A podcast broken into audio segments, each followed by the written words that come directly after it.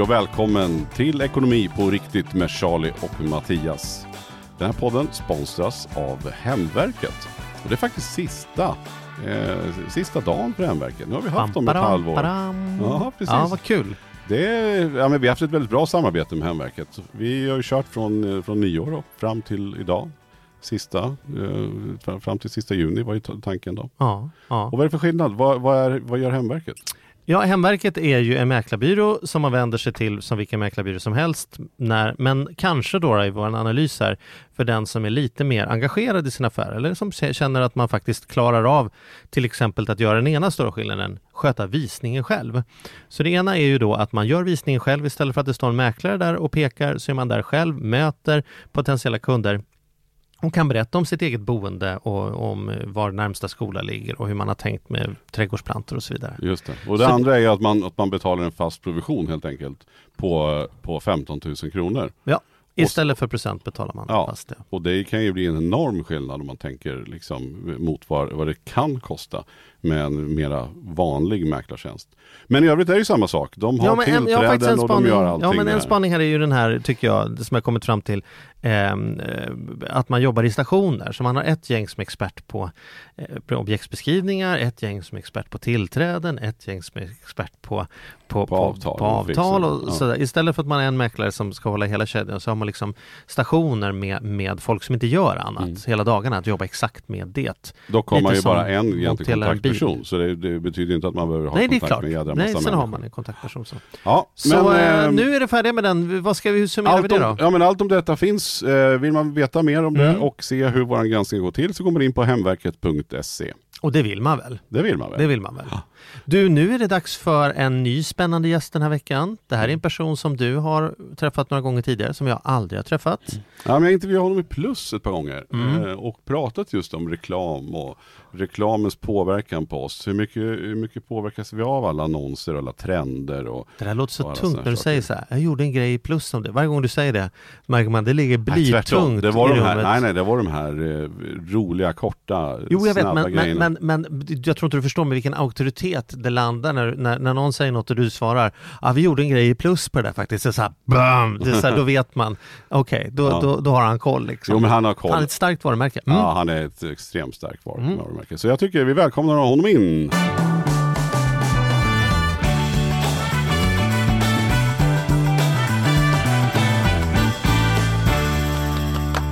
Hej Magnus! Hej! Ekonomiprofessor, heter det så? Ja, det kan man väl kalla det för. Ja, men vad står det på kortet då? Om vi hade fått ett visitkort när det kommer. Professor i marknadsföring vid Handelshögskolan i Stockholm. Det, marknadsföring känns ju som ett jätteämne. Det kan vara väldigt mycket olika grejer. Liksom. Ja, det är väldigt mycket olika saker. Själv är jag då mera inriktad på olika sätt på vilka företag med sin marknadsföring försöker utöva påverkan på konsumenter. Mm. Men det finns en jättestor del av marknadsföring bakom kulisserna som handlar om företag som försöker påverka andra företag. Även företag kan ju vara kunder. Mm. Men jag är en sån konsumentorienterad figur. Gud vad bra, för det är ju det vi vill prata om. Vi, vi, vi tänker att vi vill prata om hur, på, hur mycket påverkas vi som konsumenter av reklam och kan man på något sätt påverka hur mycket man påverkas? Om vi börjar där då, hur, hur, hur mycket är, är, vi, är vi lättpåverkade eller svårpåverkade eller var, var är vi liksom i vad är din bedömning? Vi är enormt lättpåverkade i vissa avseenden och ganska svårpåverkade i andra och det beror på att eh, effekterna av reklam och annan marknadsföring kan ta sig uttryck på en mängd olika sätt. Alltifrån en snabb eh, emotionell reaktion omedelbart efter att man har sett till exempel en annons eller tv-reklam till att man verkligen eh, går och köper en produkt, inte bara en gång utan eh, upprepade gånger och, och liksom ingår i en slags långsiktig relation med eh, en leverantör. Och då är det såklart mycket lättare att få de här kortsiktiga snabba effekterna som egentligen eh, handlar om psykologiska reaktioner inne i kundens huvud. Så det är inte så eh, väl dokumenterat exakt vad man, vilka knappar man borde trycka på för att verkligen få en stor andel kunder att springa iväg och köpa en produkt. Mm. Men jag tänker historiskt då, om vi tittar från, för reklamen förändras ju tycker jag. Jag tycker man ser bara på, på, på min tid, men jag menar, reklam har väl pågått i jättemånga år. Alltså det har väl funnits sedan gamla grekerna. Liksom. Reklam har funnits väldigt länge och om man tänjer lite på begreppet och tänker på det som eh, meddelanden i största allmänhet som då ska få folk att eh, tänka på ett visst sätt eller göra på ett visst sätt så var ju just de gamla grekerna pionjärer och eh, mycket av det som de då eh, utvecklade i form av eh, olika retoriska knep och knåp kan man fortfarande se eh, relativt tydligt då i samtida marknadsföring. Och då tänker du på de här etos, logos, vad var den sista? Patos. Just det. Ja. vad är det nu då? Hjälp oss igenom detta. Som, som... Ja, man tänker sig en eh, grekisk politiker i det gamla Aten som vill sälja in sitt budskap till en folkmassa och bara har sig själv och sin röst att jobba med så var en grundtanke att om man laddar budskapet med tre olika komponenter så kommer det att bli eh, påverkan. En av dem var etos som handlade om att man då ska försöka signalera att man själv är en trovärdig och pålitlig person genom att läcka lite information om vem man själv är och vad man har för bakgrund och erfarenhet och liknande. Man bygger någon typ av piedestal att stå på som säger så det finns en poäng med att lyssna på just mig i det här. Ja, liksom. just det. Nästa var då eh, logos som handlar om att man då ska försöka leverera trovärdiga och vettiga argument för varför någonting är bra och försöka sätta ihop dem i ett snyggt paket. Och den sista, patos, har att göra med att man skulle försöka beröra sina lyssnare känslomässigt. Och eh, den här känslomässighetskomponenten ser man inte så ofta i politiken idag i Sverige men den är väldigt tydlig i USA när det gäller amerikanska presidenter oavsett partitillhörighet egentligen. Det går inte för en amerikansk president att hålla ett entimmestal utan att stoppa in den här patoskomponenten och alla är egentligen duktiga på det också. Det, så, som exempel kan man mena att det vore ju rimligare att han berättar för mig, en politiker, att det finns 62 procent som har den här situationen och vi vill få ner det till 48. Men istället berättar han, jag träffade en tjej igår i Akalla och så, så får jag höra någon historia om en enskild person som egentligen inte bidrar till det politiska samtalet mer än att framhålla eh, liksom någon känsla för hur det är, klä siffrorna i någon, eller är det så du menar? Eller? Ja, det är ju den svenska lite ljumma varianten, men eh, amerikaner är lite mer drillade i det där. Det kan komma in saker som har att göra med den amerikanska flaggan och mm. soldaten som stupade på det eller det sättet och mm. allt möjligt sånt där. Mm. mm. Men går det överlag mer mot känslor? Om man tittar, det är ju väldigt mycket bilder idag till exempel i, i marknadsföringen. Man ser ju kanske framförallt för reseföretag och sådär. Det är inte mycket text. Nej, texten har åkt ut på bekostnad av bilder. Det är nog den eh, generella så att säga trenden eh, som är en av de tydligaste trenderna när det gäller hur reklam har utvecklats över åren. Och i typfallet så är bilden väldigt dominant. Om man ser det kanske allra tydligast i tryckt reklam som i dagsläget eh, påfallande ofta består egentligen bara av en bild av någonting. Ofta en människa men det kan vara ett snyggt landskap eller något sånt där. Och sen är det en lite försiktig samexponering rent visuellt med en eh, logga eller en slogan eller någon liten uppgift om någonting. Och i typfallet så är det ingenting i ett sådant meddelande som förklarar hur de här olika komponenterna hänger ihop utan det är upp till mottagaren att koppla det där i sitt huvud. Jag tänker när du säger det att jag är nog mer, jag, jag som tänker att jag är kritisk mot reklam, eh, hälsosamt kritisk mot reklam, inser nu när du pratar att det är, det är jag om text. Det är ju så det ser ut. Stämmer verkligen det som står här? Kan jag lita på det den här rösten säger i bakgrunden?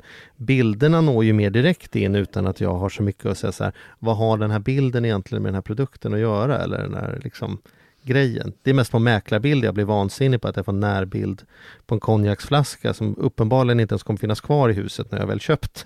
Då kan jag bli irriterad på bilderna men annars låter jag nog bilderna. Hur är det för dig Mattias? Tänker du att Känner du igen detta? Att du är som så här, varför är det ett skånskt landskap här vid SAPs annons? Liksom? Eller?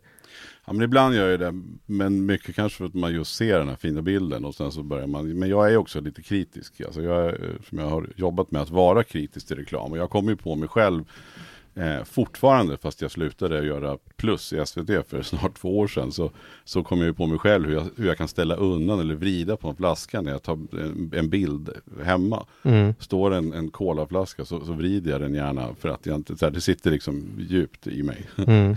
kanske inte så hälsosamt. Du tejpar för loggorna på tröjan och sådär? Nej, det, det gör jag ju inte. Men jag tänker alltid på om det är ja. loggor och, och, och, sånt med. Ja. Eh, men däremot så, så kan man också känna en, en fråga då, för att förr så, vi, om man går runt och tittar i stan så ser man ju skyltar lite överallt. Och framförallt tycker jag om man tittar upp mot Söders höjder när man kommer ner från Slussen där så sitter det ju fortfarande så här reklam, Stomatol eller drick Coca-Cola.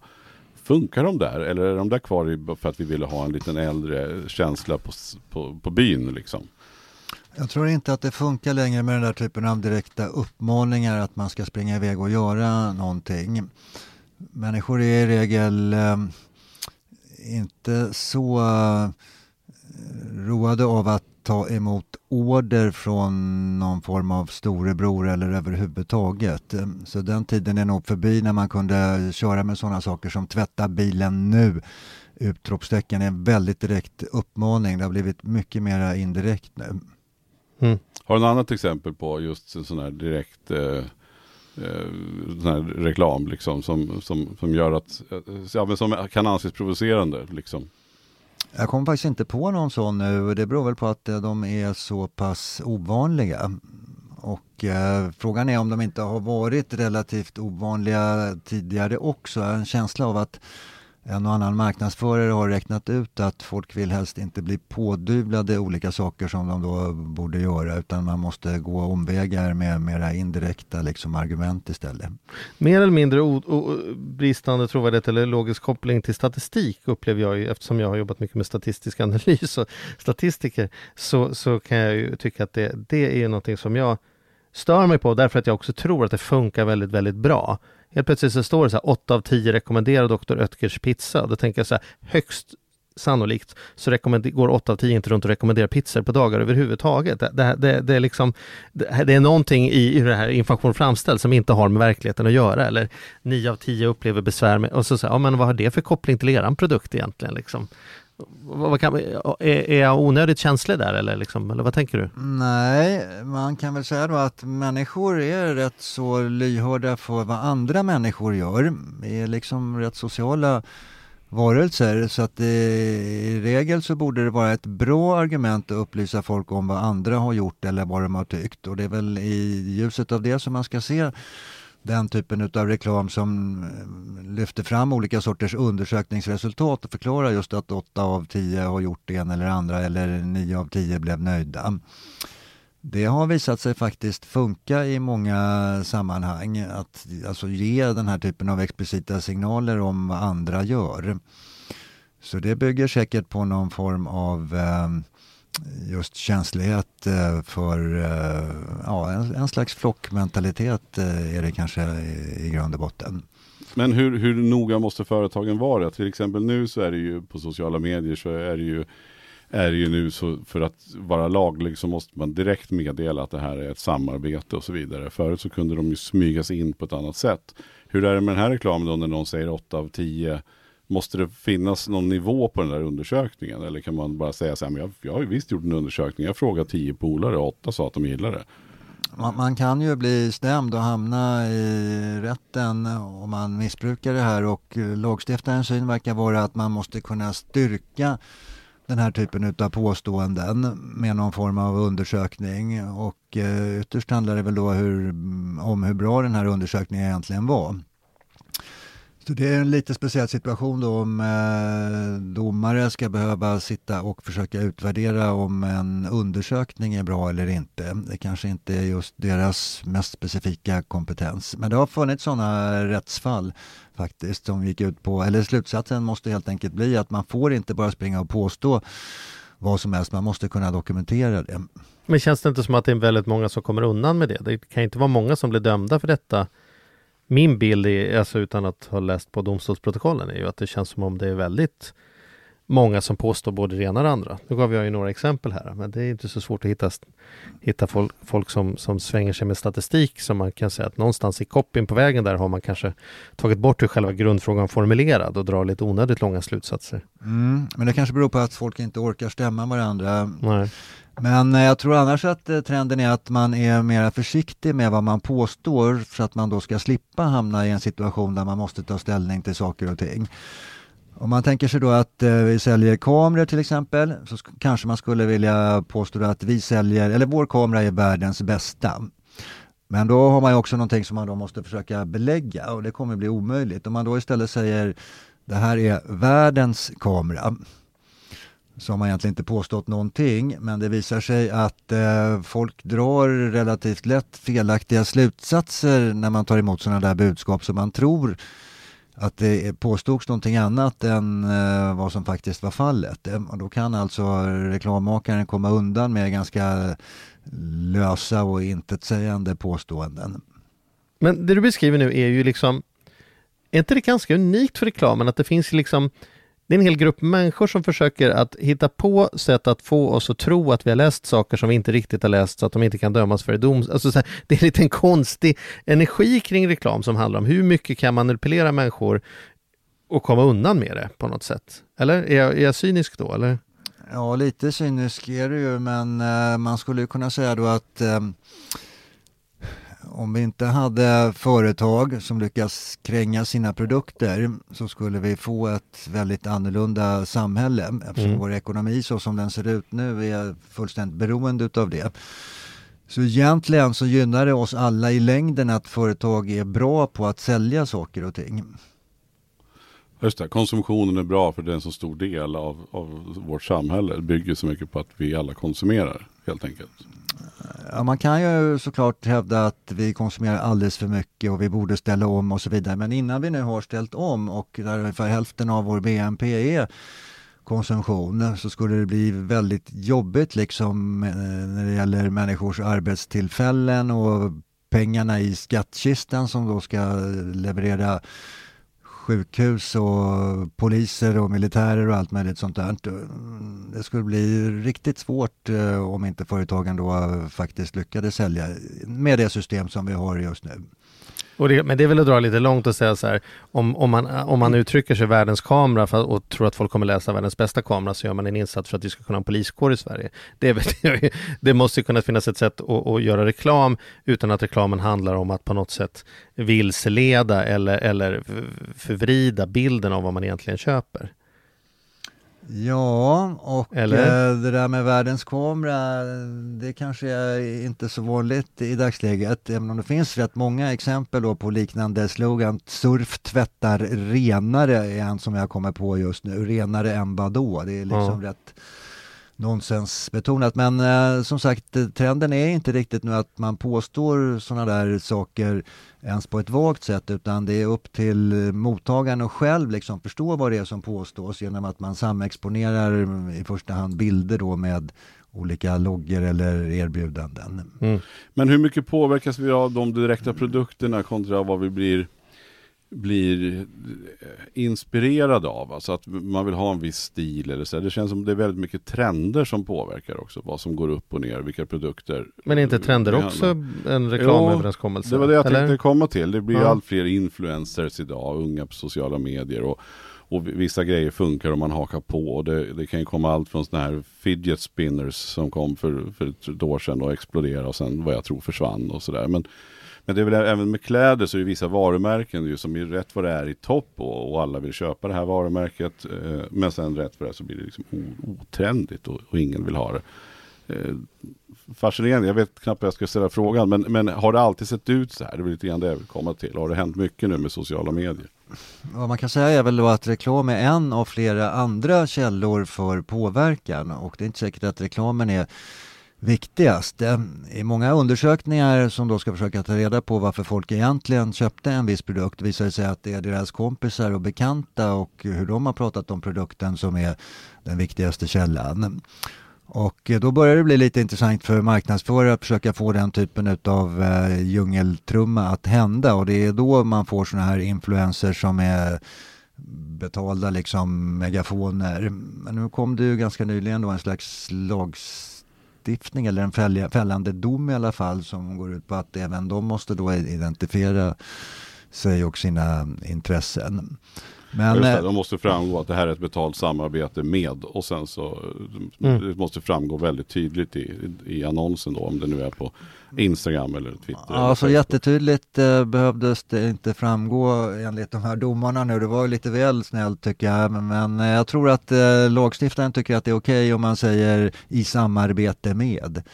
Mm. Det är ganska vagt liksom. Mm. Om nu själva grejen är att jag fick massor med pengar. Jag fick 40 000 för att prata väl med en produkt som jag aldrig har använt i samarbete med. Det går liksom inte riktigt eh, hand i hand med hur vissa av de där influenserna jobbar.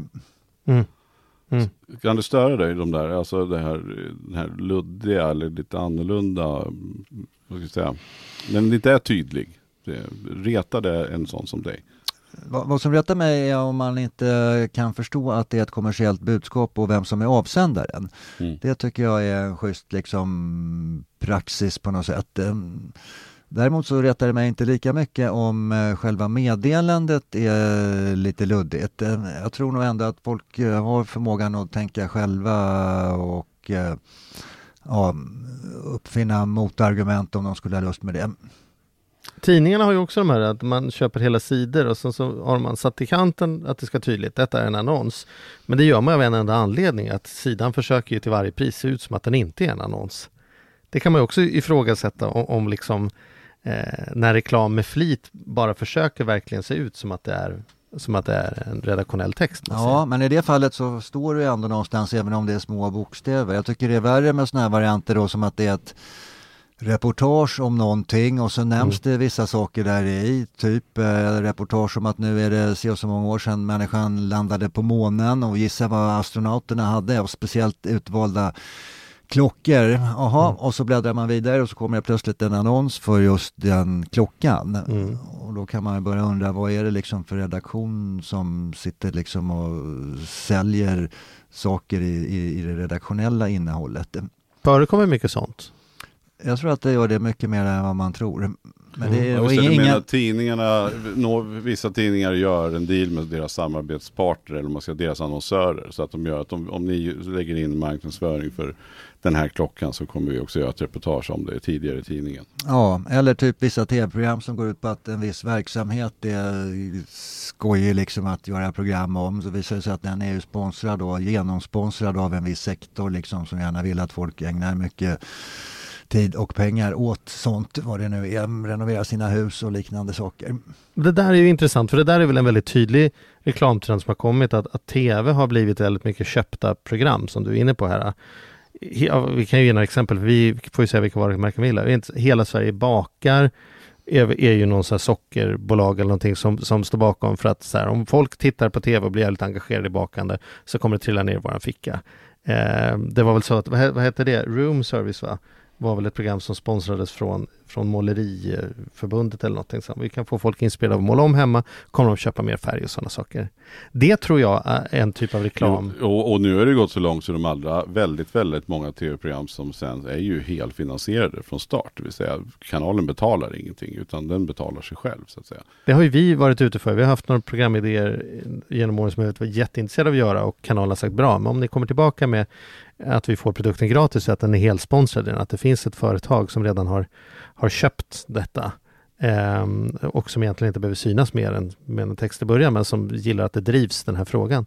Så då kan vi tänka oss att sända det. Va? Mm. Vad, vad, vad tänker man om det som, som ja, professor i marknadsföring? Man måste inse då att eh, vad som verkligen har hänt utöver allting annat när det gäller marknadsföring under senare tid är att det har blivit en enorm explosion av olika kanaler med vilka man kan nå människor och det blir ett enormt brus med alla meddelanden, det kallas för klutter ibland och då är det inte så konstigt då att man försöker hitta liksom nya vägar för mm. att uh, utöva påverkan och uh, vad som har varit känt sedan länge och kanske mera känt uh, än när det gäller reklam det är ju att det här redaktionella innehållet i olika medier också är med och påverkar väldigt starkt. Det där är ju er hemmaplan snarare än min, men det finns ju liksom gott om undersökningar då som visar på ett väldigt tydligt sätt att många människor får stora delar av sin världsbild formad av det som händer i vad ska vi säga, nyhetsprogram eller mm. såpoperor och allt möjligt sånt där. Snarare än av reklamen som dyker upp mellan liksom olika inslag.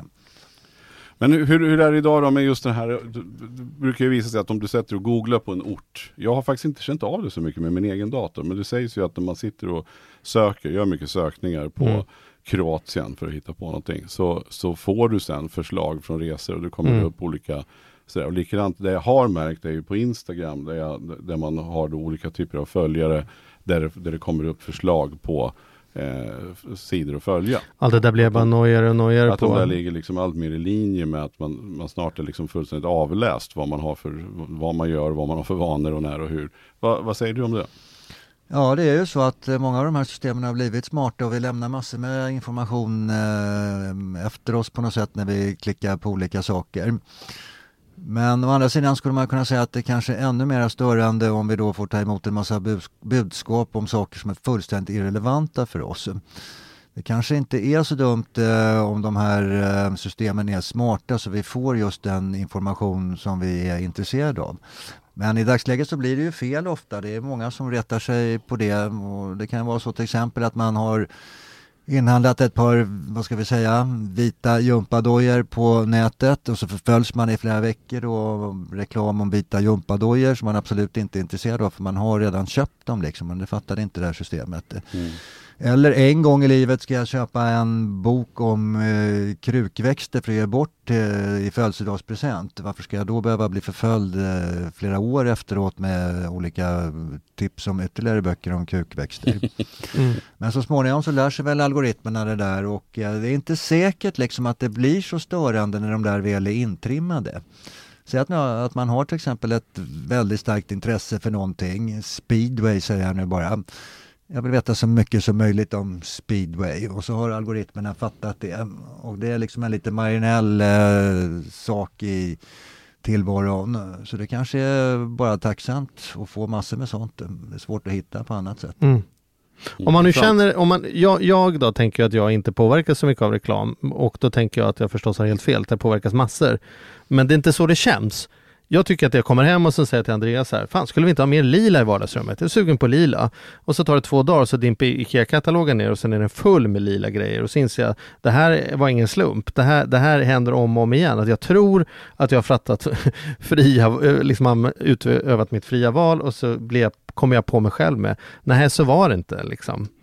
Ehm, jag använder en produkt som du rekommenderade häromdagen, en sån här bilpoolsprodukt uh, och köpte in på det. Och jag vet inte om du har föreslagit detta tio gånger eller första gången, men jag noterar ju när jag sätter mig i bilen att den är på utomhusreklam precis överallt just nu och så drar jag slutsatsen att det, det kanske hänger ihop detta. Jag påverkas omedvetet mycket mer än vad jag tror. Hur ser du på den spaningen Magnus? Ja, det kanske inte är så jättelätt att sätta fingret på ett stort antal tillfällen när man kan säga till sig själv att anledningen till att jag köper den här produkten är just att jag såg reklam om den för två dagar sedan. Mm. Utan i regel så är det väl mycket mer subtil påverkan som har att göra med att um, ett budskap har lyckats väcka vissa känslomässiga argument eller har lyckats skapa vissa associationer som ligger och jäser inne i huvudet och kommer till uttryck först långt senare när man har glömt bort vad som var själva källan till det här. Ehm, så många som gör reklam idag säger uttryckligen faktiskt själva att eh, det är inte meningen då att man omedelbart ska gå och köpa någonting efter att ha sett det här utan vi sysslar, säger de då, med så kallat varumärkesbyggande reklam som ska verka mycket mer långsiktigt och då handlar det i regel just om olika emotioner och associationer till saker och ting som har en positiv laddning. Så genom att sakta men säkert skapa positiv laddning. Så när jag drar fram handen i, i affären och tror att jag tar en slumpvis apelsinjuice så är den inte så slumpvis. Jag, den drog min hand en en, hyll, en hyllsteg till vänster för den där har, har haft gulliga barn på reklam genom tiderna. Men det skulle jag aldrig kunna förklara när jag tar ner den, att det är därför jag tog den, utan jag bara tog någon, vilken som helst. Liksom. Ja, det är väl så det funkar ofta. Många köpbeslut eh, är ju rena rutinbeslut som görs med någon slags autopilot också. Vi reflekterar inte ens över vad vi gör, det är liksom inget egentligt val. Och då kan det vara fullt av alla möjliga olika diffusa eh, emotioner eller associationer någonstans i bakhuvudet som gör att vi väljer vad vi gör. Och där har jag förstått att det är därför också mycket reklam, och man kan tycka från utsidan, om, omotiverat mycket reklam vänder sig till unga människor. Därför att en sån som jag som är 43, det är ganska svårt att få mig att bryta, byta från Bregott till någonting annat. För det, jag har liksom redan fattat mitt livsval om vad jag ska ha för smörgåsmargarin. så det är så dags det och ändra på mig jämfört med någon som precis har flyttat hemifrån och, och är inte så klar över vad, vad smörgåsmargarin ens ska vara. Liksom. Är, det, är det så eller? Ja, just när det gäller frukostvanor så visar det sig faktiskt att de grundläggs väldigt tidigt. Det, har man lyckats se i olika undersökningar på så sätt att eh, det som mamma och pappa serverade, om det nu var en sån familj, det tenderar att följa med folk ända upp i väldigt hög mm -hmm, ålder. Och, mm -hmm då är väl det en liten tröst då för de som tycker att samhället är fruktansvärt genomkommersialiserat och vi eh, är så enormt lättpåverkade. Men vi är inte riktigt det när det gäller exakt allting i våra liv. Mm. Själv då? Har du, har du någon, eh, kom, kommer du på dig själv ibland? Att du har blivit påverkad av reklamen? Jag har faktiskt försökt tänka flera gånger på vad är det nu av de köp som jag gör som egentligen grundar sig i reklam. Men jag kommer inte på särskilt många. Men man måste komma på då att eh, reklam är bara ett av flera olika sätt för olika bolag att ägna sig åt marknadsföring.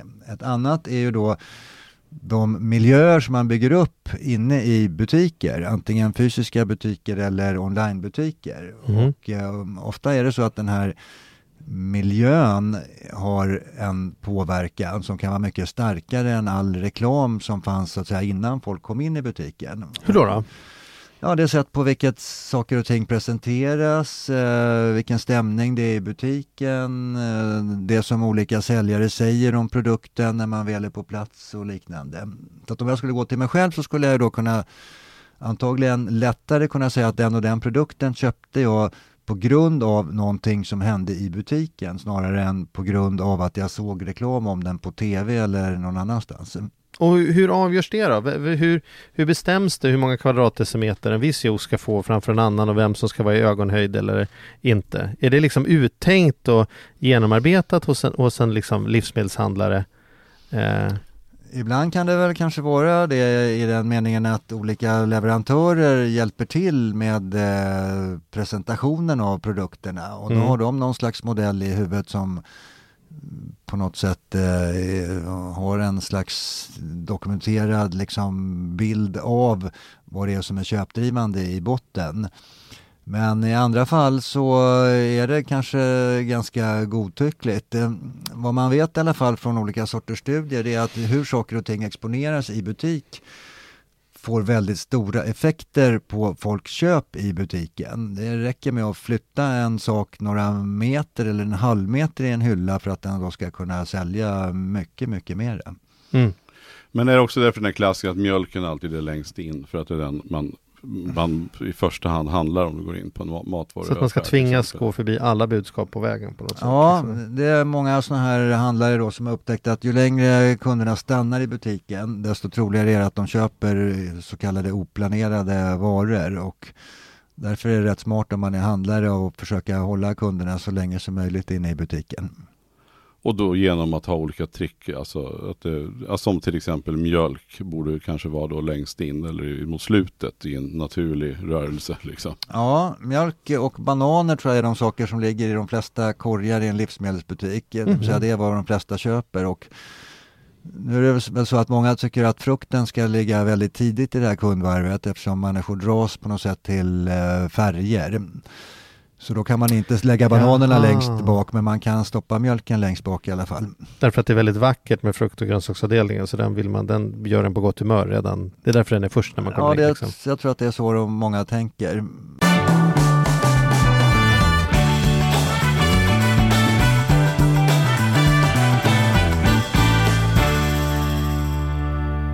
Men hur är det med de här stora staplarna då? Blir vi lockade av när det står 500 tomat, krossade tomatburkar i en stor pyramid? Då hittar man på att det är billigt va? Trots att det inte ja, behöver vara billigt. Då är det väl klassiken att ibland så sänker man inte ens priset. Man bara gör en stor pyramid och skriver större. Liksom. Vårt, vårt pris med orange text. Ja. Ja, om folk tror att det är rea så är det ofta tillräckligt. Så att en annan variant är då att man slänger ut grejerna liksom lite huller om buller så att det ser ut som att det är någon form av kampanj. Det ser lite osorterat ut. Det kan vara eh, nog så effektivt. Annars är det nog många handlare som tänker att det som är på gavlarna som det heter, ytterst i ändarna av de här liksom gångarna, mm, det är den bästa eh, exponeringsplatsen för den är lättast att se och folk vill ogärna om de slipper liksom gå in i de där gångarna. Det är enklare att ta sig igenom butiken om man kan undvika det. Mm. Mm. Mm, just det. Jag är ju en jämförpristok. Jag älskar jämförpris därför att det är nästan alltid så att jag ser en vara på extrapris eh, som ändå ska handlas, en pasta, så, Åh, ny sorts pasta, den här var på extrapris. Och sen så står jag ett öga på jämförpriset och sen konstaterar att men den pastan som är bredvid här, som dessutom är ekologisk, är till och med billigare per kilo än vad den här är. Så att, så att extrapris är väldigt sällan, tycker jag, i butik svaret på att det, det är det mest prisvärda mm. alternativet. Uh, Ja, ingen mm. kommentar på det. det bara jag, tänker, nej, men jag tänker, nej, precis, nej, jag brukar också kolla. Alltså, ja. Jämförspriset tycker jag är jättebra, absolut. Mm. Uh, så. Men du, men du Magnus, om man, om man sitter och lyssnar på detta och tänker så här, fasiken, jag, jag har som mål nu att bli lite mindre påverkbar av marknadsföring. Finns om, om man liksom kan använda dig som har varit på insidan här, eller är på insidan, eller du är ju på alla sidor eftersom du är forskare, men, men, men hur, hur, hur kan jag påverka min egen påverkbarhet? Liksom? Finns det några knep eller stöd för mig att bli mer saklig i mina köpbeslut? En variant som man kan använda sig för att vaccinera sig mot någon slags dold påverkan det är ändå att försöka ta reda på vad, vilka knep som olika påverkare använder sig av. Då blir det ofta tydligare liksom just att de här knepen är igång och eh, det blir lättare tror jag i många fall att eh, säga till sig själv att just nu blir jag utsatt för påverkan på ett sätt som innebär att helst hade den här påverkaren inte velat att jag skulle upptäcka det. Och när man väl har hamnat där i sin egen tankeprocess så kanske man då eh, är bättre rustad för att säga både ja och nej. Ja, det låter rimligt. Ja, det låter rimligt. Men, är det, men precis, men sen kanske det är okej okay då om det är en bra produkt att åka med där och tycka att det är lite härligt att man har köpt samma sak som alla andra. Eh.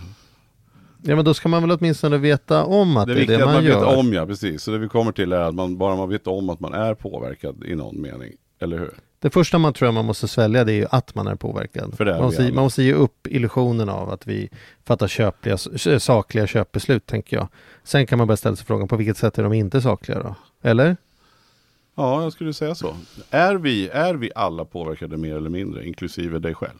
Ja, det är nog den dystra sanningen. Men eh, när man tänker på påverkan och reklam så tänker man ju ofta på um, den påverkan som utgår från en viss kampanj i förhållande till en viss produkt som är den som annonseras i den här kampanjen. Men det finns ju en mer subtil form av påverkan som man inte pratar lika mycket om, nämligen den påverkan som utgår ifrån hela det här aggregatet utav all reklam som vi möter eh, hela tiden.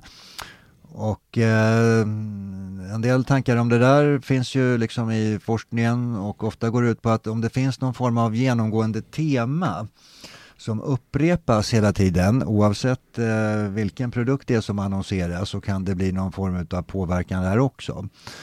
Typ om temat är att det är väldigt glada, vackra, unga, vältränade, friska människor som i första hand syns i reklamen för vilken produkt som helst, eh, vilket är ungefär läget just nu, så kan folk börja undra saker och ting om sin egen kropp till exempel och tycka att de inte är lika vackra och fina som alla de här människorna i reklamen och så kan man då drabbas av dåligt självförtroende och i förlängningen i extremfallet och olika sorters liksom ätstörningar och allt möjligt sånt där. Så den typen av påverkan finns ju också som är på något sätt eh, av det slaget att den ligger bortom det som är själva syftet med en viss kampanj. Jag tänker på sådana saker som vi har irriterat oss många gånger på, så här, årets julklapp. Eh, är ju en sån här, som vi ständigt bråkar varje år. Alltså, så här, årets julklapp är en iPad. Då säger vi så här, nej, låt oss nu inte lura i folk att folk ger varandra julklappar för 6 000 kronor. Årets julklapp är en pocketbok och har varit i många år. Det, det är det där subtila, liksom, man hittar på att så här, frågan är inte, frågan är inte eh, om jag ska robotgräsklippare eller inte, frågan är vilken jag ska ha. Liksom så här, att, man, att man mals ner i någon bild av att alla har detta. Ja, men just det där är nog ett uttryck för att människor är extremt känsliga för vad andra människor gör och ganska mm. mottagliga för signaler om just det. Och eh, det är som en egen, ett eget litet spår på något sätt i olika sorters kommunikation att man försöker tydliggöra vad andra har gjort eller hur andra tänker. Och det är ju lite dystert då liksom om man skulle vara så lättpåverkad kan man tycka. Men eh, det finns ju även positiva sidor då av att man lätt blir influerad av andra. Man slipper liksom börja från noll inför varenda område som man då behöver på något sätt beträda eller behärska. Mm. Det kanske inte är så dumt ändå att man är så där mottaglig i vissa fall. Men att det kan missbrukas såklart då i olika marknadsföringssammanhang. Men jag tänker på det här matandet, det här malandet, att det, det har jag noterat att ett, ett genomgående tema för oss människor, att vi har svårt att göra skillnad på vad vi håller med om eller gillar och vad vi känner igen. Alltså om man känner igen, om, om folk har fått två glas vin i sig och sen kommer en låt på som folk känner igen, då säger man så här, åh den här är bra. Så, så betyder egentligen inte att de tycker låten är bra, det betyder bara att jag vet vad som ska hända härnäst. Och, och, och likadant är det med, med, om man pratar som jag föreläser en hel del saker, så kan folk ha, mycket lättare att tycka saker är bra som de har hört någon annan säga förut, än att jag säger någonting nytt, vilket ju är kontra kontraproduktivt. För det vore ju bäst om man lyssnar på föreläsningar, man fick höra massa nya saker. Det gamla har man ju redan hört, men man vill höra lite gammalt.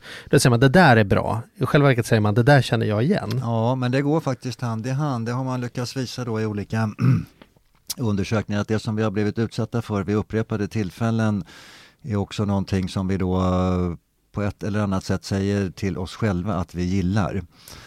Det är därför som man då kan nå framgång faktiskt med att upprepa ett budskap många gånger. Så länge folk är i alla fall någorlunda neutrala från början och inte hatar vad det är de exponeras för så går det faktiskt att nöta in en mera liksom positiv eh, reaktion eh, efterhand som det här upprepas flera gånger. Och det är väl precis som det är med en låt, tänker jag. Alltså mm. en låt, lyssnar du på en låt tillräckligt många gånger så blir den ju nästan alltid bra till slut. Mm. Ja, nästan. nästan, du ser lite skeptisk ut Magnus. Ja. Varför, men, men, men, den här igenkänningsfaktorn och, och så, så, i vissa branscher så känns det också som att, man, att det finns ett regelverk man ändrar hela tiden.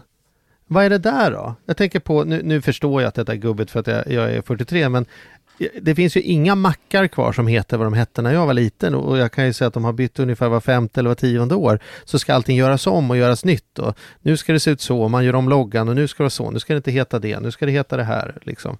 Och så står jag som ett fån där och försöker säga till Primus att vi ska träffas vid Konsum. Han säger, jag vet inte vad Konsum är för någonting, är det Coop du pratar om eller liksom? Mm, jag tror inte det där har någon slags kommunikations... Uh syften så att säga som eh, bakgrund. Det är nog andra ägarförändringar och sånt där. Den normala doktrinen nu som jag uppfattar den är snarare att man inte ska ändra på så mycket i de olika delarna i ett budskap. Det är nästan lite tråkigt och förutsägbart på så sätt att många tycker att kunden ska möta exakt samma sak varje gång kunden möter mm. ett visst företag. Mm. Väldigt noga då att det är exakt samma färg på loggan och allt möjligt sånt där. Men det är svårt om du köper in mig som ny reklambyrå så säger jag, jag tar en miljon och vad vi kommer göra är att vi kommer göra noll förändringar. Vi ska göra vad vi alltid har gjort. Då är risken att du säger så här, det lät inte som en bra idé. Ja, kan det finnas att man förändrar för förändrandets skull helt i onödan egentligen? Det finns ju aspekter som innebär att uh, många produkter som säljs i fysiska butiker säljs via återförsäljare. Det vill säga man har inte själv någon butik mm. och en del tänker väl då att man behöver göra vissa förändringar då och då bara för att liksom skaka liv i de här återförsäljarna så att det inte blir för sömnigt i förhållande till just våran produkt. Så handlaren säger så här, åh nu händer det något nytt och fräscht, ny ja. smak på glassen här, ja då fick den lite mer hyllutrymme igen liksom. Men många kunder är ju då relativt konservativa egentligen, alltså konsumenter har kanske inte bett om alla de här förändringarna. Jag brukar tänka på det om man då har lyckats hitta för en gångs skull till exempel gympadojor som man gillar och så tror man då att de där kan jag ju köpa igen då när det första paret går eh, sönder. Men det går ju i regel inte för det kommer liksom fyra generationer bara på ett år. Jag bad aldrig om att det skulle komma nyheter liksom. Jag vill ha precis de som jag köpte förra gången. Men det är Mm. tämligen kört. Där måste ju rådet vara att köp så många du bara kan liksom om du hittar en riktig Mm. favorit så länge den finns kvar i butiken. Mm. Och vissa saker när det gäller sådana här snabbt mode, det är ju bara i butiken några dagar eller någon vecka på sin höjd, sen är det borta för evigt. Kommer aldrig någonsin att kunna gå och köpa den där igen. Tandborst, ut, utvecklingen på tandborstar är ju helt fantastisk. Hur, hur, hur mycket kan man ändra på en tandborste? Det är alltid. Men det kanske, jo men jag tänker också på det som Magnus säger, det är kanske är därför också det kommer tillbaks klassiker just nu på, Mm. på till exempel skor, där det kommer tillbaks de här Du kan köpa 70-80-tal, så en du kan köpa en 86. Stan Ja. Smith utan att gå in på några Mm. särskilda Mm. varumärken. Men de ser ju åtminstone likadana ut, eller att man, man ändå kanske vill koppla tillbaks lite. Är det Ja. inte väldigt mycket nostalgimarknadsföring? Är inte det ett tecken? Jag tänker så här, jag var inne i någon sån här barnbutik och noterar att, att alla motiv som är där är ju är ju från tv-serier och sånt som var när jag var liten. Det är Tummen och Tummens mamma och det är Alfons Åberg och det är så här, och de som växer upp nu har ju ingen jävla aning om vem Tummen och Tummens mamma är. Lasse-Maja har precis premiär i en ny film Ja. igen. Ja. Och sådär. Ja, det vart i och för sig barnspåret. Men, ja. Ja, men Ja. vad säger du om det? Är det någonting i det? Ja, och där har man faktiskt upptäckt då att när folk är någonstans mellan 13 och 17, 18 så är det som att ett jätteviktigt fönster har öppnats när det gäller framförallt musik och filmstjärnor. Så Mm. det som man tenderar att gilla i den eh, åldern det kommer man då på något sätt att alltid ha en slags relation till. Och då kan man göra liksom eh, vissa beräkningar då om man är lite slug och tänka att en 17-åring borde få sina första barn någon gång 20 år senare. Och om vi då ska sälja barnprodukter till den personen 20 år senare så kanske vi ska använda det som var viktigt i den här personens liv eh, 20 år tidigare. Mm. Och det är väl därför som man då ser att eh, den här typen av nostalgiska grejer kan fungera på den personen men inte på den som är liksom 20 år yngre för de har ju aldrig sett det där precis som du ser. Mm. Men det är lite läskigt då att det sätter sina spår så starkt det som hände just i den där perioden att det kan utnyttjas 20, 30, 40 år senare. Mm. Någon hade kommit på att eh, vissa former av dementa personer som lätt blir oroliga liksom av saker i omgivningen känner sig otroligt mycket tryggare med om saker och ting såg ut som när de var just i den där åldern. Så då kan man liksom möblera eller sätta upp bilder på hur bilar såg ut långt, långt tillbaka i tiden och så känner de sig plötsligt mycket tryggare då. Så till och med då, i det fallet liksom, så verkar det vara väldigt viktigt det som hände under det där nästan magiska tidsfönstret. Mm. präglas tidigt. Ja, det det. Men det här är ju väldigt, väldigt intressant. Men man får väl ta, ta sin egen tankeställare när man går runt och tittar. Och, och jag tror bara att det är viktigt att vi försöker vara medvetna om att vi är påverkade. Ja, och, och- och, liksom försöka- kanske inte gå på de uppenbara knepen eller åtminstone tacka ja till att gå på dem när de händer. Ja. Liksom som att, Ja, men att man är medveten om att man kanske är påverkad och, och på, det, på det sättet göra lite klokare beslut. Avslutningsvis tänker jag att jag ska ge ett exempel på, jag klurade på att införa den absolut sämsta marknadsföringen jag tycker att jag någonsin har sett. Och det priset går för, i mitt fall då till Postnord Logistics. Eh, det här är alltså ett företag som jobbar med post och som hette Posten. Sjukt bra namn om man, om man gör posten, att man heter posten. Man har liksom mutat in, man är verkligen jacuzzins jacuzzi liksom. Och så byter man bort det mot något jävla nonsensnamn som bara liksom låter som vilket logistikföretag som helst. Är inte det, är inte det Berätta nu att jag har, är inte det urbota dumt när man kunde heta Posten? Nu kommer Posten. Men det är väl att Postnord var väl ett da- dansk för, eller ett annat jag vet, det borde, företag? jag fattar inte hur man gav bort Posten. Posten måste varit bäst. Många tycker nog att det skulle vara väldigt skönt att kunna heta någonting som är liksom synonymt med hela kategorin eh, inom vilken man verkar. Tänk om vi hette Podden. Mm. Hej, välkommen till podden. Mm. Dynamit, fotogen, det är egentligen varumärken då, eh, enskilda men som har lyckats bli hela branschbeteckningar. Det är inte så dumt liksom om man lyckas få sitt eget varumärke och bli eh, beteckningen på hela branschen. Mm. Det här är häftigt. Plexiglas är väl också en sån. Perstorpsplatta. ja, det Ja, finns kul. Ja, men som sagt, vi, det här är ju superintressant. Vi skulle kunna prata om det här hur länge som helst. Vi, vi får nog anledning att återkomma till detta. Ja, jag vi hoppas tro. att vi får återkomma till det Magnus. Så ett jättestort tack för att du kom. Tack så mycket! Tack. Ett